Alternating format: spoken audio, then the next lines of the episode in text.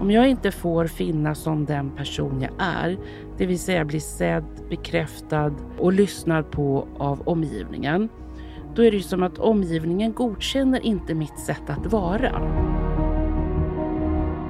Välkommen till podden Mörkertalet. Jag heter Maria Larsson och är en social entreprenör med inriktning på brottsprevention och mänskliga rättigheter.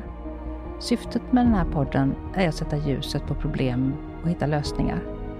Jag bjuder in gäster som har något att berätta och det blir ett samtal där vi diskuterar utifrån våra olika kompetenser och erfarenheter.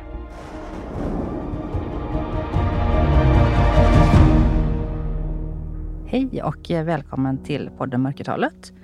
Idag ska vi träffa Lena Skogholm och hon är beteendevetare, pedagog och författare till böckerna Bemötandekoden och Livskoden enligt hjärnan. Varmt välkommen hit! Tack så jättemycket! Kul att ha dig här. Vi har ju känt varandra rätt länge nu mm. och tänkt att vi måste göra bra saker ihop. Så det här tänker jag är en bra sak som vi gör nu. Precis. Berätta om dig själv. Vem är du?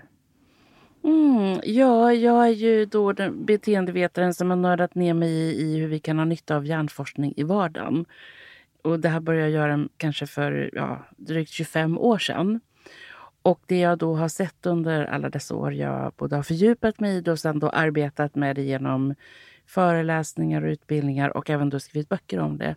Det är att jag har sett hur centralt bemötandet är för hur vi liksom skapar varandra i mötet med varandra. Och då är ju inte tanken så lång att gå till när det är särskilt svåra situationer. Då är bemötandet om möjligt ännu mer viktigt. Mm.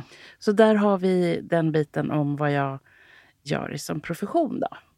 I övrigt är jag en operaälskare och eh, tillika älskar Italien helt enkelt. Så att eh, ja, varför inte italiensk opera då? Nej, underbart. Mm. När var du på opera senast? Och det var för ett par veckor sedan. Vad var det då? Eh, och då var det ju... Jag kan nämna så här att på lördag ska jag gå och se Salome på Operan. Mm. För jag kommer inte ihåg vad var jag såg. Jo, jag såg ju Tosca sist. Ja, mm. just det. Den är fin. Mm. Mm. Ja, underbart. I detta avsnittet så ska vi prata om, alltså om hur viktigt det är med bemötande för brottsutsatta. Och när jag träffade dig för första gången, vad var det, åtta år sedan eller någonting, så tänkte jag det. Jag gjorde den kopplingen direkt, men vi har liksom inte förrän nu landat i hur, hur man ska kunna arbeta med din kompetens och hjälpa brottsutsatta för att hjälpa dem rätt och hjälpa professionella att de kan få ett bättre bemötande av brottsutsatta. Så det är två spår det här, tänker jag nu då, med eh, vad dagens samtal ska handla om. Jag tänker jag kan börja med brottsutsatthet för att sätta det, om man säger så, och förstå vad som händer när det inte blir ett bra bemötande. Och jag har ju varit med och mött väldigt många i min situation och kanske en av fem någonting har, som jag upplever det, ett, ett bra bemötande som gör att det blir läkande för mig. Som gör att jag känner mig sedd, bekräftad och trodd i min situation. Och det är inte så att det har varit dåligt bemötande, kan jag inte säga. Några såklart har ju varit det, men de flesta har varit så neutrala i sin framtoning så det har blivit en dålig upplevelse för mig och jag har känt mig så inte trodd, lyssnad på, på grund av det. Och jag tänker ju att bemötande skulle man kunna använda i mycket högre grad som professionell för att dels läka den som då är brottsutsatt och även då få en lite mer gynnsamt klimat att göra den här utredningen som man ofta är där och gör då. För man har ju oftast en, en roll som myndighetsperson då, att agera i det här fallet. Och som brottsutsatt, när man då antingen kommer till polisen eller socialtjänsten eller till och med söker vård då och möter det här kanske lite trubbiga, lite platta då, som man upplever det, då gör ju det att man kämpar ju febrilt med att få de här kanske ansiktsuttrycken, kanske få ett leende eller en nick eller någonting som visar på att den här personen faktiskt liksom lyssnar på mig och tror på mig. Och det är så läkande när man då träffar på en sån person då, som gör det. Och det kan uppväga mycket av det trasiga som man har varit med om och är alltså anledningen till att man är där själva brottet då. Vad tänker du med det med jag säger att man inte, trots att den här professionella personen då är neutral, vad gör det med oss? Mm. Alltså, jag tänker så här att många har en väldigt god intention om att det ska bli bra och verkligen försöker göra sitt bästa. Och om vi då ändå grottar ner i några olika lager i detta för att komma åt kärnan. En brottsutsatt person har ju då under förmodligen flera år, om man nu kommer till så långt att man faktiskt anmäler eller man ber myndigheter om hjälp, har utsatts för att ha malts ner för att man i relationen har fått ett extremt dåligt bemötande. Och om man inte får vara sig själv som person generellt sett, om jag inte får finnas som den person jag är, det vill säga bli sedd, bekräftad och lyssnad på av omgivningen, då är det som att omgivningen godkänner inte mitt sätt att vara. Och för att jag då ska överleva i situationen, jag antingen får jag ta mig därifrån eller också så anpassar jag mig utifrån omgivningens sätt hur de tycker att jag ska vara. Då. Och det är det här normaliserandet som sker. Vilket gör att jag trycker egentligen ner mitt verkliga själv och skapar ett annat själv som, som jag låter skina igenom för att överleva. Och Det kan man kalla för ett anti-själv. Det är en term som finns inom psykologin. Då. Och om man då har levt i så svåra situationer under lång tid, då har ju det här blivit väldigt stort. Det kanske som man till och med har glömt bort sig själv. Det är ju inte alls ovanligt, tänker jag. Då när man har lyckats ta någon, kanske sista droppen av kraft för att kontakta en myndighet eller anmäla. Det är ju som att det här bemötandet kan då så att säga dra upp personen ur isvaken skulle jag säga. Så att personen kan få komma fram och visa sig. Istället för att ha tryckt ner sig i så många år. Och där betyder varje uttryck vi gör i kroppsspråket, mimiken, en blick, ett leende, en känsla av värme och omsorg. Att det är den intentionen i mötet med värme och omsorg. Det kan vara helt avgörande för både den pågående processen men också läkandet för personen. Och enda sättet att så att säga bli kvitt sitt anti-själv och faktiskt få komma ut som sitt verkliga själv, det är ju att omgivningen bekräftar och lyssnar och ser på mig. Jag kan ana att man kanske försöker vara professionell inom sin profession. Det vill säga man ska vara lite då mer neutral och eh, hålla sig professionell till det. Och jag tänker att det där är en tankevurpa. För det är inte professionellt att vara neutral i mötet med en brottsutsatt person. Tittar vi på flera aspekter, om man tar generellt i hur vi är programmerade att eh, uppfatta andra människor. Det är som att vi har ett automatsystem som hela tiden eh, känner av om omgivningen är vänlig mot oss eller inte. Det kan vi alla uppleva om vi träffar en person till exempel för första gången. Man har lite garden uppe för man kollar in vad, liksom, är den vänlig eller hur är den då? Och det är först när man känner så här, när personen är, verkar vara okej, liksom, ja, då kan man fälla ner garden. Det betyder i praktiken, det finns ju massa forskning men jag, som jag också har skrivit om i, i mina böcker och även förresten på min hemsida kan man hitta mer fördjupat om det är någon som vill eh, läsa mer om det. Om jag möter en person som håller, förhåller sig neutral till mig, det är lika med att du är en presumtiv fiende. Det är som att jag håller garden uppe. Det är som tänker att vi går med känselspröt och känner av omgivningen. Vill du mig väl eller inte? Och på ett omedvetet plan, det vill säga på ett egentligen våra biologiska program i hjärnan, frågar oss egentligen, är du vän eller fiende? Vän eller fiende? Och du måste bevisa för mig att du är min vän innan jag ska tro dig. Så ett neutralt bemötande, det signalerar jag är din presumtiva fiende. Så jag vill absolut mena att det är mycket mer professionellt att ha ett bemötande som signalerar omtanke och värme. när man är i en svår situation, och det här tror jag att även om man inte har varit brottsutsatt så tror jag att alla kan relatera till det. För alla har vi svåra situationer genom livet på ett eller annat sätt. Och får man då, när man är i ett svårt sammanhang, ett vänligt bemötande, det kan betyda att någonting vänder. Det kan vara det som gjorde att jag orkade den veckan eller månaden. Så det här är inte att förringa. En vänlig blick, en klapp på axeln, ett leende. Visa att jag vill dig väl.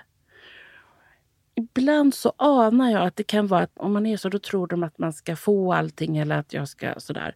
Man blandar ihop sakfrågan med bemötandet. Oturligt nog. När det handlar om själva bemötandedelen, kontaktskapande delen, vi samtalar och så vidare, då behöver jag hoppa ur mina egna skor, mina egna tankar. Hoppa över med mitt eh, fulla liksom medvetande och vara fullt närvarande hos den andra personen. För tillfället, alltså nollställa mig själv. Var närvarande, lyssna, observera och inte värdera. Och ha den här, tänker jag, var närvarande med omsorg. Och då kan du vara 100% närvarande och ha ett bra bemötande där. Där varje gest, uttryck, blick signalerar vänlighet. Sen om det handlar om att prata om sakfrågan som kan gälla olika lagstiftning och vad nästa steg kan bli och så vidare. Det är en annan sak. Då kan man prata om sakfrågan till 100 procent också. Så man behöver inte blanda ihop de här två. Och det tror jag att det kan hjälpa till att känna sig fri att vara så närvarande och visa omsorg i själva mötet. Jättebra sagt. Alltså jag tänker så här, att många, så många år som jag har gått eh, i det här eftervåldet som jag lämnade, som nu är 13 år sedan, där jag har varit på högspännings... Alltså jag har varit för varje myndighetskontakt, för varje möte, varit så spänd inför det jag hela tiden har känt att jag måste leverera. Jag måste få den personen att förstå mig och mina barns situation. Och eh, att förstå att vi behöver stöd och hjälp. Eh, och att jag behöver liksom övertyga den personen om det. Och det här ja, högspänningsläget, alltså den höga stressnivån som man har levt under så många år då. Alltså både som brottsutsatt under den tiden, men sen även då efteråt när man har lämnat för att då överhuvudtaget övertyga myndighetspersoner att hur vi har det och kunna få hjälp och stöd. Och jag har inte känt mig trygg i de situationerna mer än i ett fåtal tillfällen under de alla åren. Då. Jag kan bara ta som exempel när jag till slut för tre år sedan träffade en coach som var helt fristående och privat. När jag träffade honom för första gången så började jag gråta och jag kunde inte gå dit igen på flera månader. För jag hade inte träffat någon som var vänlig mot mig på alla dessa år. Det skär i hjärtat att höra detta. Och det tror jag det gör för alla lyssnare också. För jag tycker nog att vänlighet, det kan vi alla bjuda på. Och bara för att man arbetar inom en myndighet av något slag då ska väl inte vi vara så professionella så vi glömmer av vänligheten.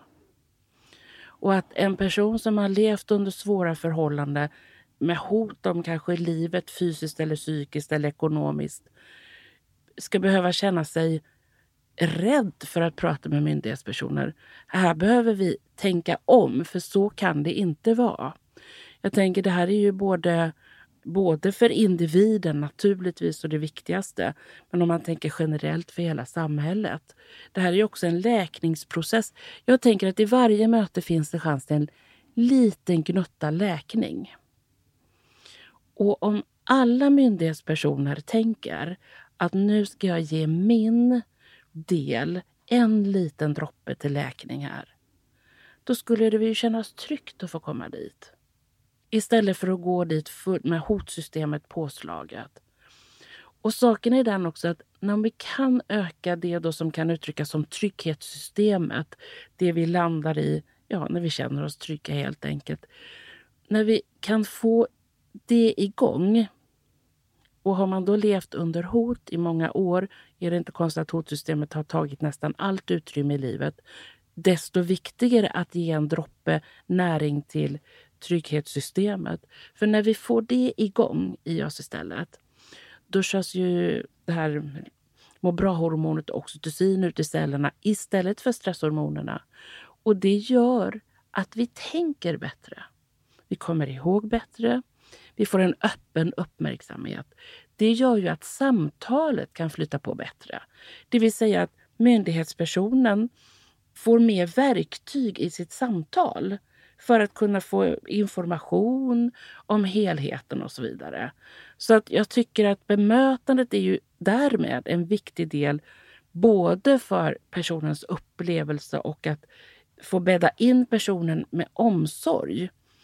Och samtidigt för sakfrågan på det sättet att det öppnar upp eh, att det är lättare att prata om saken. Verkligen så. Nej, det var väldigt slående just den upplevelsen. Mm. Att eh, inte kunna gå dit och ta kontakt igen på flera månader för att den här personen var vänlig mot en och att det var så ovanligt. Mm. Det väckte så mycket i en. Och när man är brottsutsatt och har inte fått det här bemötandet som man tänker att man ska få av myndigheter, så är det ju lätt då att man liksom sluter sig ännu mer och blir ganska trubbig. Och då, ja, då är man ju inte samarbetsvillig. Och precis som du säger, att den egna upplevelsen av att man inte är lugn utan man är i stressad situation. Men det blir ju också de facto så att man blir inte jättesugen på nästa möte med den här personen. Utan ja, man tänker att jag får lösa det här själv på olika sätt. Då. Och med då väldigt blandade resultat märker jag ju då, för jag ser på min egen situation och många andra som jag hjälper, att det blir ju tyvärr så att man hamnar mycket, mycket mer i utsatthet och längre bort ifrån ja, det goda livet och det stödet som egentligen finns då, men som man då inte känner att jag har tillgång till eller, eller rätt till. För att den här kommunikationen med de som ska bevilja det här ja, tillståndet, eller säga, insatsen då, den kommunikationen har inte funkat. Så att för mig är bemötandet viktigt ur flera plan. Dels som ett smörjmedel i samtalet för att man ska känna sig lugn och känna sig trygg och förstå att vi alla här vill bästa för dig och den här situationen. Men liksom också som läkning då, som du säger och är inne på här, för mig. För att man är ju normaliserad vid att man har varit nedtryckt och inte blivit lyssnad på under väldigt lång tid. Och om man då fortsätter att uppfatta det som att det är ingen som tror på mig, det är ingen som lyssnar, det är ingen som bryr sig. Då eh, är ju det systemet fortfarande helt i... Ja, alarmsystemet är igång. Så trots att man har lämnat så är man fortfarande i extremt höga stressnivåer under väldigt, väldigt lång tid. Och det är svårt att komma ner. Och att få ett bra bemötande och känna att åh, jag kan andas, jag kan känna mig lugn den här lilla stunden här nu. Det gör väldigt, väldigt gott i en helt enkelt. Och är, tänker jag, liksom, ja, man tänker att man ska få stöd i form av terapi och sådana saker. Då, men, men ett bemötande är väl så bra. Vi är läkande människor och med en omsorgsfull omgivning så kan vi läka på egen hand också. Så det är inte nödvändigt att man måste ha avancerad stöd i form av, av eh, terapi eller så. Det är självklart bra om man behöver det, men alla behöver inte det. Och man skulle kunna spara både resurser i samhället, tänker jag, och möjlighet till snabbare läkning om just bemötandet sattes på mycket, mycket högre nivå och agenda liksom hos professionella. Och jag förstår också en slags farhåga i att, att det finns människor som för det finns alltid för och nackdelar, eller fram och baksida, man säger så. Som brottsutsatt tänker jag liksom att det är ett snabbare väg till läkning. Men jag förstår ju också att det finns många människor med grav psykisk ohälsa som så fort man får en halmstrå någonstans så hänger man kvar där. Och som professionell kanske man är rädd för det då att oj, vad händer här? Hur ska jag hantera det? Men å andra sidan så tänker jag liksom att den personen behöver också bli sedd och bekräftad och som professionell så har ju du ett stödsystem runt dig att kunna hantera personer som behöver ännu, ännu mer stöd än bara ett leende, en vänlig eh, blick, liksom, som jag som brottsutsatt kanske känner att jag nöjer mig med. Då. Men oavsett så tänker jag att ett gott bemötande är vägen till att hjälpa människor. Exakt ja. Och jag kan återkomma till det här med att man den här delen när man hoppar från sig själv, man sätter sakfrågan på paus och bara är närvarande med personen framför den. Om man gör det till 100 procent, jag är 100 procent med dig. Jag 100 procent lyssnar, tar in, bekräftar, speglar det du säger med den här från en plats av omsorg. Då kan man vara lika tydlig och till 100 procent prata om sakfrågan. Alltså det blir lättare att prata om sakfrågan och kanske, om man behöver, vara tydlig i det. Så det är här jag tror det blir en tankevurpa. Och ett helt annat exempel, men jag tyckte det var så tydligt för att vi var inne på det här när det var en utbildning, föreläsning för chefer och vi kom in på det här. Och så var det flera chefer som bara, de bara liksom skakade nästan till för de blev så, nej men gud, så kan vi inte säga för då tror de att de ska få högre lön. Bara för att man var vänlig. Och det är det där som jag tror att man blandar ihop sakfrågan med vänligheten. Och om man tänker ytterligare runt detta. Som brottsutsatt så är det ju fysiskt, psykiskt, ekonomiskt eller på andra sätt så utsatt. Så att det i princip är fara för livet. Antingen då fysiskt, psykiskt eller på annat sätt. Och jag tycker det är intressant att ta och jämföra med bilden hur det är med akutsjukvårdare. Som om det kommer in några från en olycka och kommer in där, då är ju inte det så att akutsjukvårdaren är lite misstänksam av sig och tänker så här, nej men har du verkligen brutit benet där? Det vet jag inte. Alltså du säger att du har ont, ja men kan jag verkligen lita på att det är så eller överdriver du kanske lite? Alltså det skulle ju icke förekomma. Det är ju en helt absurd situation. Och det är här jag tänker, inom sjukvården då är man akutsjukvårdare. Men jag skulle vilja säga att i mötet med en brottsutsatt så behöver du vara en akut känslovårdare.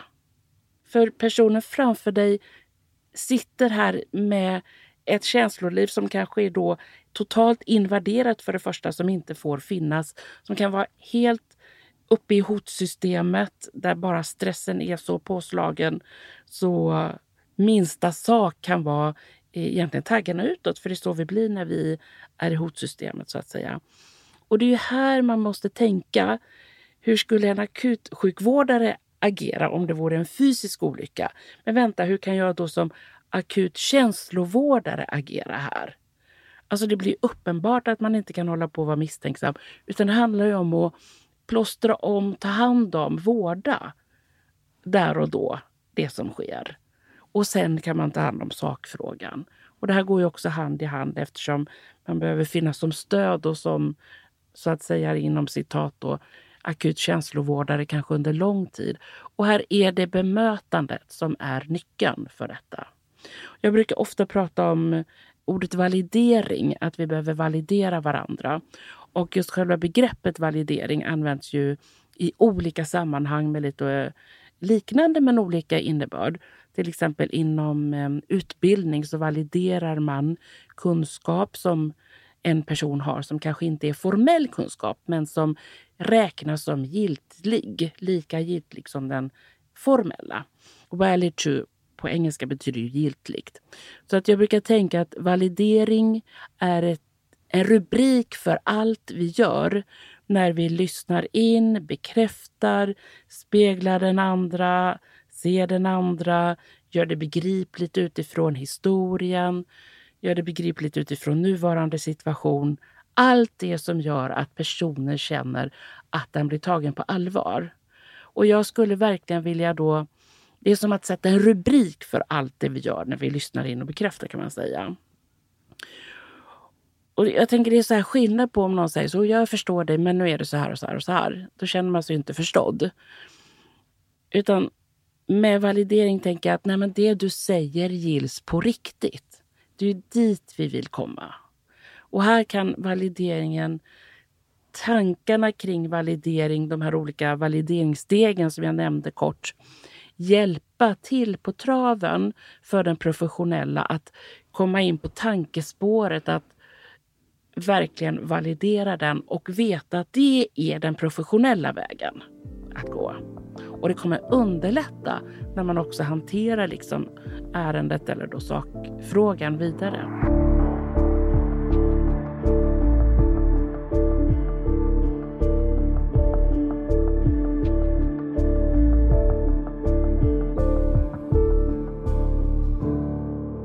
För jag tänker det, man är ju i trauma. Och trauma är ju en situation, liksom, eller vad ska jag säga, en, en reaktion kanske man ska säga, på en situation som är helt onormal. Och eh, när man är traumatiserad så har man ju dels olika uttryck för det. Man är sällan charmig som traumatiserad person. Det kan vi bara konstatera. Det kan vara på olika sätt. Eh, att man är trubbig, man är eh, väldigt tyst, man är väldigt kan högljudd eller väldigt känslosam. Det kan, det kan se ut på väldigt många olika sätt det här när man är i den situationen. Men jag tänker liksom att man behöver få det bemötandet, det här goda bemötandet i att ja, du har rätt till dina känslor. Du har rätt till din upplevelse och din livshistoria. Det du har varit med om. Du har rätt till att känna så här oavsett vad du känner. Och att det är så viktigt att man, som du säger, validerar det utifrån att ja, det jag är rätt ute. Jag har liksom nivellerat mig. Jag brukar kalla det nivellera då. Att man hamnar i rätt läge i förhållande till andra och till händelsen. Och för att sen kunna gå vidare och kunna förstå, okej, okay, här är jag, jag befinner mig här i den här situationen och jag är i det här känsloläget och eh, i den här pressade situationen. Nu förstår du det, så nu kan vi gå vidare till nästa steg. För om jag behöver lägga all min kraft för att du ska förstå mig, så kommer vi sällan vidare till action. Utan det stannar bara, det blir som en, en motståndskamp liksom mellan förstå mig, förstå mig och du har ett väldigt neutralt eh, sätt att bemöta det här och säger att du förstår mig, men jag upplever ju inte det. Och här är det ju det som är exakt hakan. Mm. För här kan det ju vara så här, nej men jag har ju sagt att jag har förstått. Och så blir det helt det här glappet. Ja. Nej men personen upplever inte det. Mm.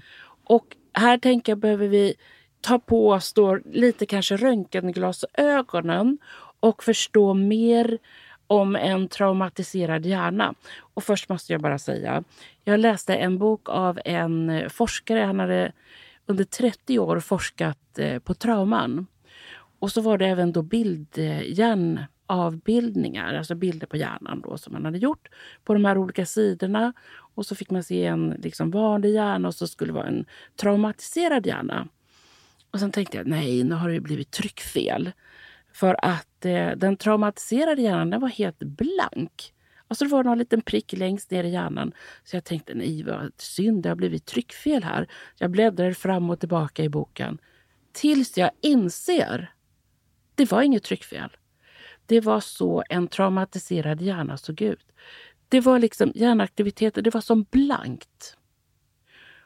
Hur ska man då som professionell tro att en traumatiserad hjärna, person, ska kunna uttrycka sig på ett adekvat sätt och låta sådär logisk och kunna hålla koll på tidslinjen och det historiska skedet. Det är helt omöjligt för en hjärna som är blank. Däremot så menar till exempel då professor Daniel Siegel när han skriver om då bland annat också anknytning. Men det ju, sker ju också en anknytning, även om det sker i vår barndom så sker det ju en anknytning egentligen i alla möten i hela vårt liv. Då. Och om det blir en desorganiserad otrygg anknytning, det blir ju helt oorganiserat i hjärnan. Som att det finns ingen sammankoppling mellan de olika delarna i hjärnan. Så man kan inte forma sin historia. Utan det blir rörigt och man hoppar hit och dit. och när man berättar om en sak då kan man tappa tidsperspektivet så att det är som att man upplever det svåra igen. Till exempel, det har man ju sett på personer som har upplevt posttraumatisk stress till exempel. Man har en stor smäll och så är man tillbaka i kriget eller vad det kan vara. Då. Och eh, då menar ju professor Siegel att det är ju genom att medvetet reflektera över de här sakerna, få sätta ord på det, som hjärnan kan koppla ihop sig igen. Så att det kan bli en balanserad hjärna som han uttrycker det. Och om man tittar också nu när vi är inne på hjärnspåret. Om man tittar på hjärnan utifrån ett eh, utvecklingshistoriskt perspektiv i evolutionen så har vi ju de här äldre delarna. Jag tror reptilhjärnan är ett begrepp vi alla känner igen med instinkten. Om en reptil blir utsatt för en fara, vad gör den? Det är flykt, attack eller spela död. En traumatiserad person, man får ju ändå räkna med att de här beteenden kan finnas. Flykt, attack eller spela död. Alltså om man är till exempel väldigt tystlåten kan ju vara som att man är paralyserad ju någonting som också om man blir utsatt sexuellt, att vid våldtäktsförsök till exempel, nej men jag blev som paralyserad.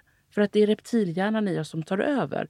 Vi tappar, vi, det är reptilen som tar över när det kommer till kriser.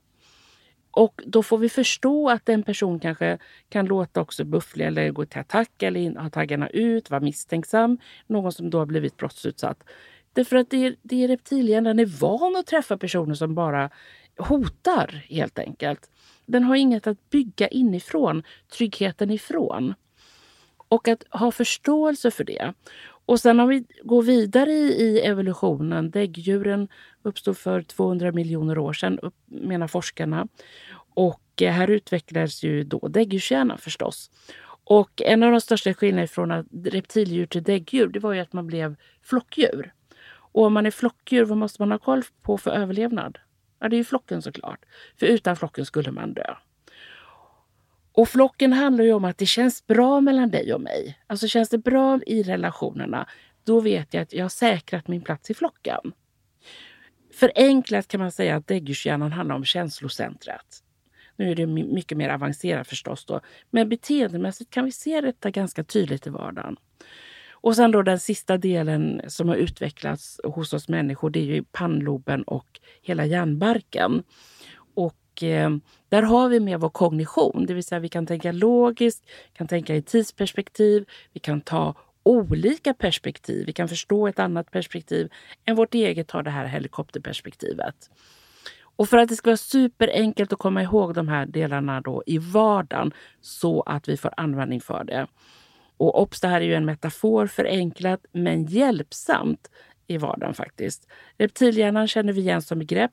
Däggdjurshjärnan kallar jag för aphjärnan och den sista delen för människohjärnan. Och som sagt, det finns ju mycket mer att säga om detta, men nu är det ju inte att man ska bli en motoringenjör för den mest komplicerade motorn, utan lära sig att köra bilen. Det vill säga, hur kan du ha nytta av förståelsen av hjärnan i vardagen? En person som då agerar utifrån reptilhjärnan vad behöver den? Det behöver vi ha koll på. Den behöver egentligen trygghet och säkerhet. Kort, konkret och tydligt budskap. Det vi kan göra nu är 1, 2, 3. Eventuellt, vad händer nu? Till exempel för hissar så är det ju alltid en skydd vid brand. Och så är det ett par korta meningar. Skulle det börja brinna skulle vi alla agera utifrån reptilhjärnan. Kort, konkret och väldigt tydligt. Och eventuellt då, vad händer nu? Man kan tänka att det är som en snitslad bana bara att följa. För om det är en person som är djupt traumatiserad, hjärnan är blank, den kan inte tänka. Ge den en snitslad bana att följa. Okej, i aphjärnan då, vad är det för behov som finns där? Ja, om vi tänker bara fortsättningsvis på metaforen. Det var ju som känslocentret uppstod. Det är som att om jag bearbetar situationen i aphjärnan. Det är som att jag säger, jag har massa känslor. Känn dem med mig. Om du försöker prata logiskt med mig, det är slöseri med tid och det är faktiskt inte heller, skulle jag säga, professionellt. Utan här gäller det att faktiskt ha på de professionella glasögonen och kolla av var befinner sig personen och möta den just där den är. Aphjärnan behöver bekräftelse, bli sedd, lyssnad på. Det är nyckeln för att kunna ta sig till nästa avdelning, nämligen människohjärnan. Så vill vi komma framåt i samtalet, förutom allt vi redan har varit inne på, så har vi de här tre stycken stegen att hålla huvudet. Det vill säga en snitslad bana, bara att följa för reptilhjärnan. Bekräfta känslor som dyker upp i aphjärnan. Och vi kan ju inte bli arg på en reptilhjärna eller aphjärna. Det är våra förfäders överlevnadssystem som vi har med oss. Det är vårt sätt att fungera som människor. Och vi alla kan nog känna igen att vi kan hamna både här och där beroende på situation och sådär. Det är först när de här två har fått sina behov tillgodosedda som vi kan koppla på människohjärnan. Sen kan vi naturligtvis gå fram och tillbaka i de här under tiden, det är ju självklart. Men att då vara vaksam, vänta var befinner vi oss nu? Och möta personen där den är. Ordet respekt tycker jag är intressant om man tittar på många sätt naturligtvis. Men om man tittar på dess innebörd från latinet. Re betyder ju åter på latin. Returnera till exempel och sånt. Spekt handlar om spektrum, att se. Så ordet respekt betyder ju då egentligen, tänker jag, jag ska återse det du ser. Det vill säga, ska jag vara professionell och visa dig respekt, jag ska gå dit du är i ditt hjärnlandskap och se det som du ser och bekräfta dig just där du är. Det är sann respekt. Otroligt bra. Tack. Det var ju mm, bra tips, tänker jag. För de här sista du berättar här nu, det är ju är rakt av tips till professionella. Att hur ska man se på ja, sin klient då som kommer? Bekräfta, lyssna, se, tänka det här hissperspektivet. Liksom snitslad bana, kort, koncist, ett, två, tre. Både så här visa, visa att jag hör dig, ser dig och sen också vara väldigt konkret liksom, i det. Jättebra råd. Och det här ska vi bara säga, för det glömde vi säga. Du har ju skrivit boken Bemötandekoden. Så det här, ni som vill veta mer om det här, ni köper den boken helt enkelt. Jag kommer skriva mer i anteckningar till det här avsnittet också av det du har sagt, så att man kan hitta det lätt. Det här du säger med tom hjärna. Åh, vad jag känner igen mig. Alltså, åh, jag börjar nästan gråta för det. I relationen, när man var där, man var ju så rädd för den, för den personen. Så att så fort man kom i samma rum och det var liksom någonting som inte var det här vanliga, liksom fixa praktiskt för hem och familj. Men så fort det var någonting att eh, nu ska vi ha samtal eller något sånt här. Hjärnan blev ju helt tom. Helt tom. Det var som bara att dra ner en rullgardin. Mm. Nådde ingenting av mina känslor, av vad jag, vem jag är, vad jag ville eller ingenting. Det var helt tomt. Mm. Och skulle jag då gå till en vän eller någonting, eller ja, på jobb, så, då har jag full tillgång till min hjärna och vet ju vem jag är och vad jag känner och vad jag vill. Men i en sån farlig situation blir man helt tom. Och samma upplevelse var ju hos de här professionella som jag mötte som inte hade det här bemötandet då. Att jag var, det var helt blankt. Helt, helt tomt. Jag kunde inte förstå vad som sades. Jag kunde inte veta vad jag skulle svara. Jag kunde liksom inte, och jag, jag har ju ändå en, en hyggligt bra utbildning och hade bra jobb och bra sammanhang. Inga, liksom inga missbruksproblem eller någonting av sånt som man tänker att oj, oj, oj vad kan det här gå till då? Men verkligen, verkligen bra förutsättningar. Och det var, jag känner ändå igen mig liksom till punkt och pricka av det du säger. Men du, skulle du säga då Maria att om du mötte en myndighetsperson som bemötte dig neutralt, var det då du blev helt tom? Precis. Om jag anar liksom det här att den personen inte tror mig eller, eller liksom då blev, det, eller blev då, inte du, för nu ja. mår jag ju så otroligt mycket bättre. Men det här var ju ja, men under sju år efter jag lämnade som det här pågick. Så man skulle kunna säga ett neutralt bemötande som signalerar att du inte med säkerhet kan veta att personen tror på dig. Det återaktiverade traumat. Ja, ja. 100 procent. Det säger väldigt mycket om vikten av bemötande vid brottsutsatta personer. När det gäller våld i nära då? När det gäller våld i nära, ja, exakt, ja, mm. exakt ja. Och jag tänker också hur bemötandet kan vara tvärtom, att det kan mm. vara läkande. Mm. Precis, för det är det ju så. För så fort någon visar att den tror mig, förstår mig, ser mig, bekräftar mig, då känner jag ju att jag vågar tro på min egen upplevelse. Att jag vågar äga min berättelse och upplevelse. Det är som att personen också ger dig tillgång till dig själv ja, ja. på det sättet. Det är verkligen så att vi skapar varandra Precis. i mötet med varandra. Det du började med var väldigt sant. När man inte har levt i en sån utsatthet så kan man nog inte föreställa sig hur sant det är. Men när man har gjort det så vet man ju det instinktivt att jag behöver bekräftelse varje dag för att få finnas till. Nyckeln. Mm. Och det är här jag verkligen tänker och hoppas att bemötandet kan ses som ett av de viktigaste verktygen i mötet med eh, personer i våld i nära mm. relationer. Då. Mm.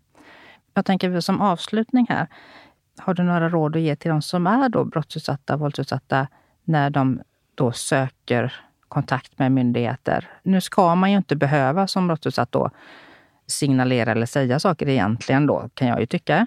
Men nu ser ju verkligheten ut som den gör. Har du några tips på vad man kan säga eller göra för att liksom få ett bättre bemötande och, och också ja, hur ska man säga och göra? Mm. För det första så skulle vi säga att och vad starkt av dig om du tar kontakt med en myndighetsperson. För då har du tagit ett steg framåt mot ett eh, bättre liv helt enkelt. Och det kan vara svårt av många olika anledningar. Det man kan göra, tänker jag, som sagt, det här skulle man kanske inte behöva, men man kan göra det. Och det är att säga när man träffar en myndighetsperson, faktiskt bara säga att jag är jätteskör. Hur du bemöter mig är jätteviktigt för mig. För det kan avgöra om jag vågar komma tillbaka eller om jag vågar berätta mera. Så jag ville bara säga det så vet du hur jag känner från början. Så att man ber om ett bra bemötande. Och jag tänker det är inte fel. Alltså, det skulle inte behövas, det tycker jag. Men jag tänker också samtidigt är det inte fel. För om vi generaliserar just den idén, då kan det ju vara så här att man själv säger Nej, men jag är superstressad idag så jag är så känslig, så tänk på det. Vi kan ju säga så till andra. Så jag tycker att gör det helt enkelt be om ett bättre bemötande. Då har man gjort vad man kan. Och eh, förhoppningsvis så ger det resultat. Jag tror att det finns goda intentioner hos professionella och att det handlar bara om att eh, förstå det stora gapet som är mellan en myndighetsperson och en person som har varit med om våld i nära relationer och förstå de här olika systemen som drar igång på olika sätt och som vi har varit inne på. Och om då att bemötandet kanske inte blir så bra utan det råkar bli lite tokigt, så kan man ju påminna om det. Jag är jätteledsen men jag är så skör och känslig. Jag har varit med om det här i många år. Mina känselspröt är så här långa. Ditt bemötande är så viktigt för mig. Sen kan man ju, om man får ett bra bemötande, också tacka för det. För om man uppmärksammar ett visst beteende så kan det ju öka i styrka. Återigen, det här skulle inte behövas, men det kan ändå vara ett bra verktyg för att det ska gå lite lättare för en. Jag är helt med det där att det, som myndighetsperson så har man ju medborgarens bästa för ögonen och jag tänker att man vill ju göra ett riktigt bra jobb. Mm. Det är därför man är där.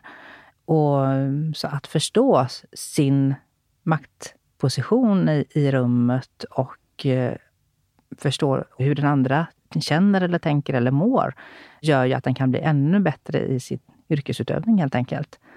Och det är ju det vi vill. För vi vill ju att människor ska känna sig trygga och vilja vända sig till myndigheter. Och, ja, och att myndighetspersoner också ska få mer verktyg och känna, jag går hem från mitt jobb, har gjort ett bra jobb och kan känna mig nöjd med mig själv. Jag har stöttat och hjälpt många i min vardag här och det känns bra för mig. Verkligen, det är precis så. jag. Jag besökte faktiskt en kvinnojour bara för några veckor sedan. Och då var vi inne på mycket av de här delarna vi har pratat om och ytterligare saker.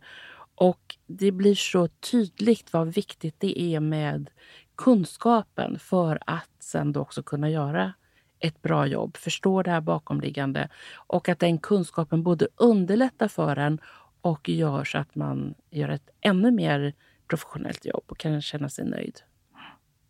Bra. Jag tror att vi avslutar med de orden helt enkelt. Mm. Det kommer att komma ett avsnitt till med dig, Lena. Och eh, vi eh, är jättenöjda med dagens avsnitt. Och det här handlar ju om ja, bemötande vid brottsutsatthet och vikten av det och hur vi kan hjälpa varandra. Både som professionell men även som brottsutsatt att kunna läka snabbare. Mm. Tack så mycket. Tack själv Maria.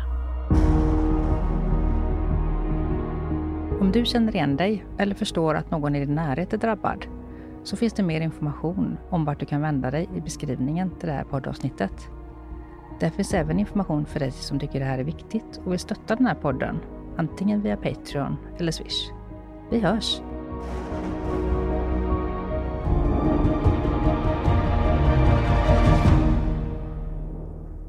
Podden Mörkertalet produceras av mig, Maria Larsson och Stray Dog Studios.